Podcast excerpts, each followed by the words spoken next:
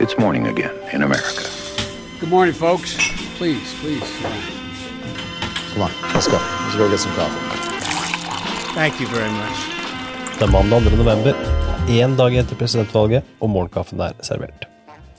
Aller først, det nasjonale gjennomsnittet til 538 viser en Biden-ledelse på 8,6 poeng, 52-43,4. Og mer enn 93 millioner velgere har hittil forhåndsstemt. Før vi kommer til nyhetene, så har vi mye innhold å by på på amerikanskpolitikk.no i dag. Blant annet Ampols egen valgdagsguide og en splitter ny førvalgsutgave av 2020, der vi snakker om status dagen før dagen og besvarer lytterspørsmål.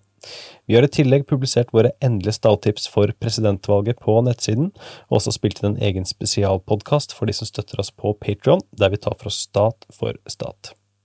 Dagens første sak. I en ny CBS og YouGov-måling kommer det fram at Joe Biden har skaffet seg godt grunnlag blant velgere som allerede har forhåndsstemt. Målingen viser at den tidligere visepresidenten har hentet inn 66% av stemmene til de som allerede har forhåndsstemt, mens Trump har 32% Blant de som først skal stemme på tirsdag, er imidlertid bildet et helt annet.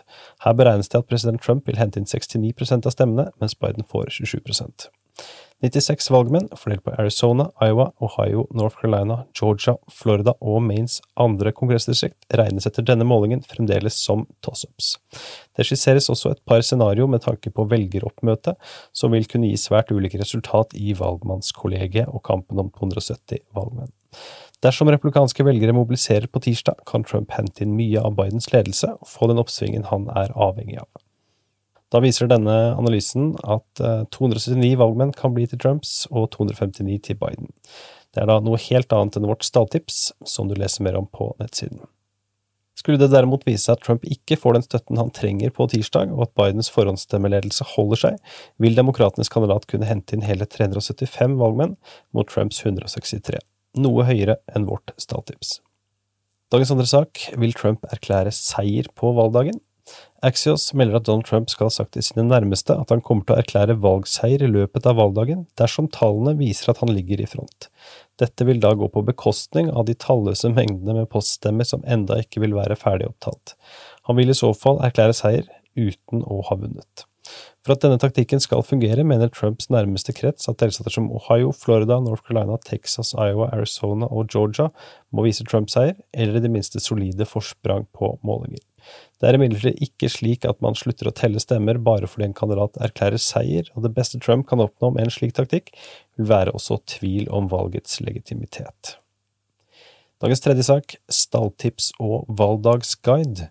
Vår valganalytiker Jon Henrik Gilhus har allerede tatt oss gjennom stalltipsene for Nordøst, sørstatene og Midtvesten, og siste gruppe ut er distriktene i vest, som nå er publisert på amerikanskpolitikk.no.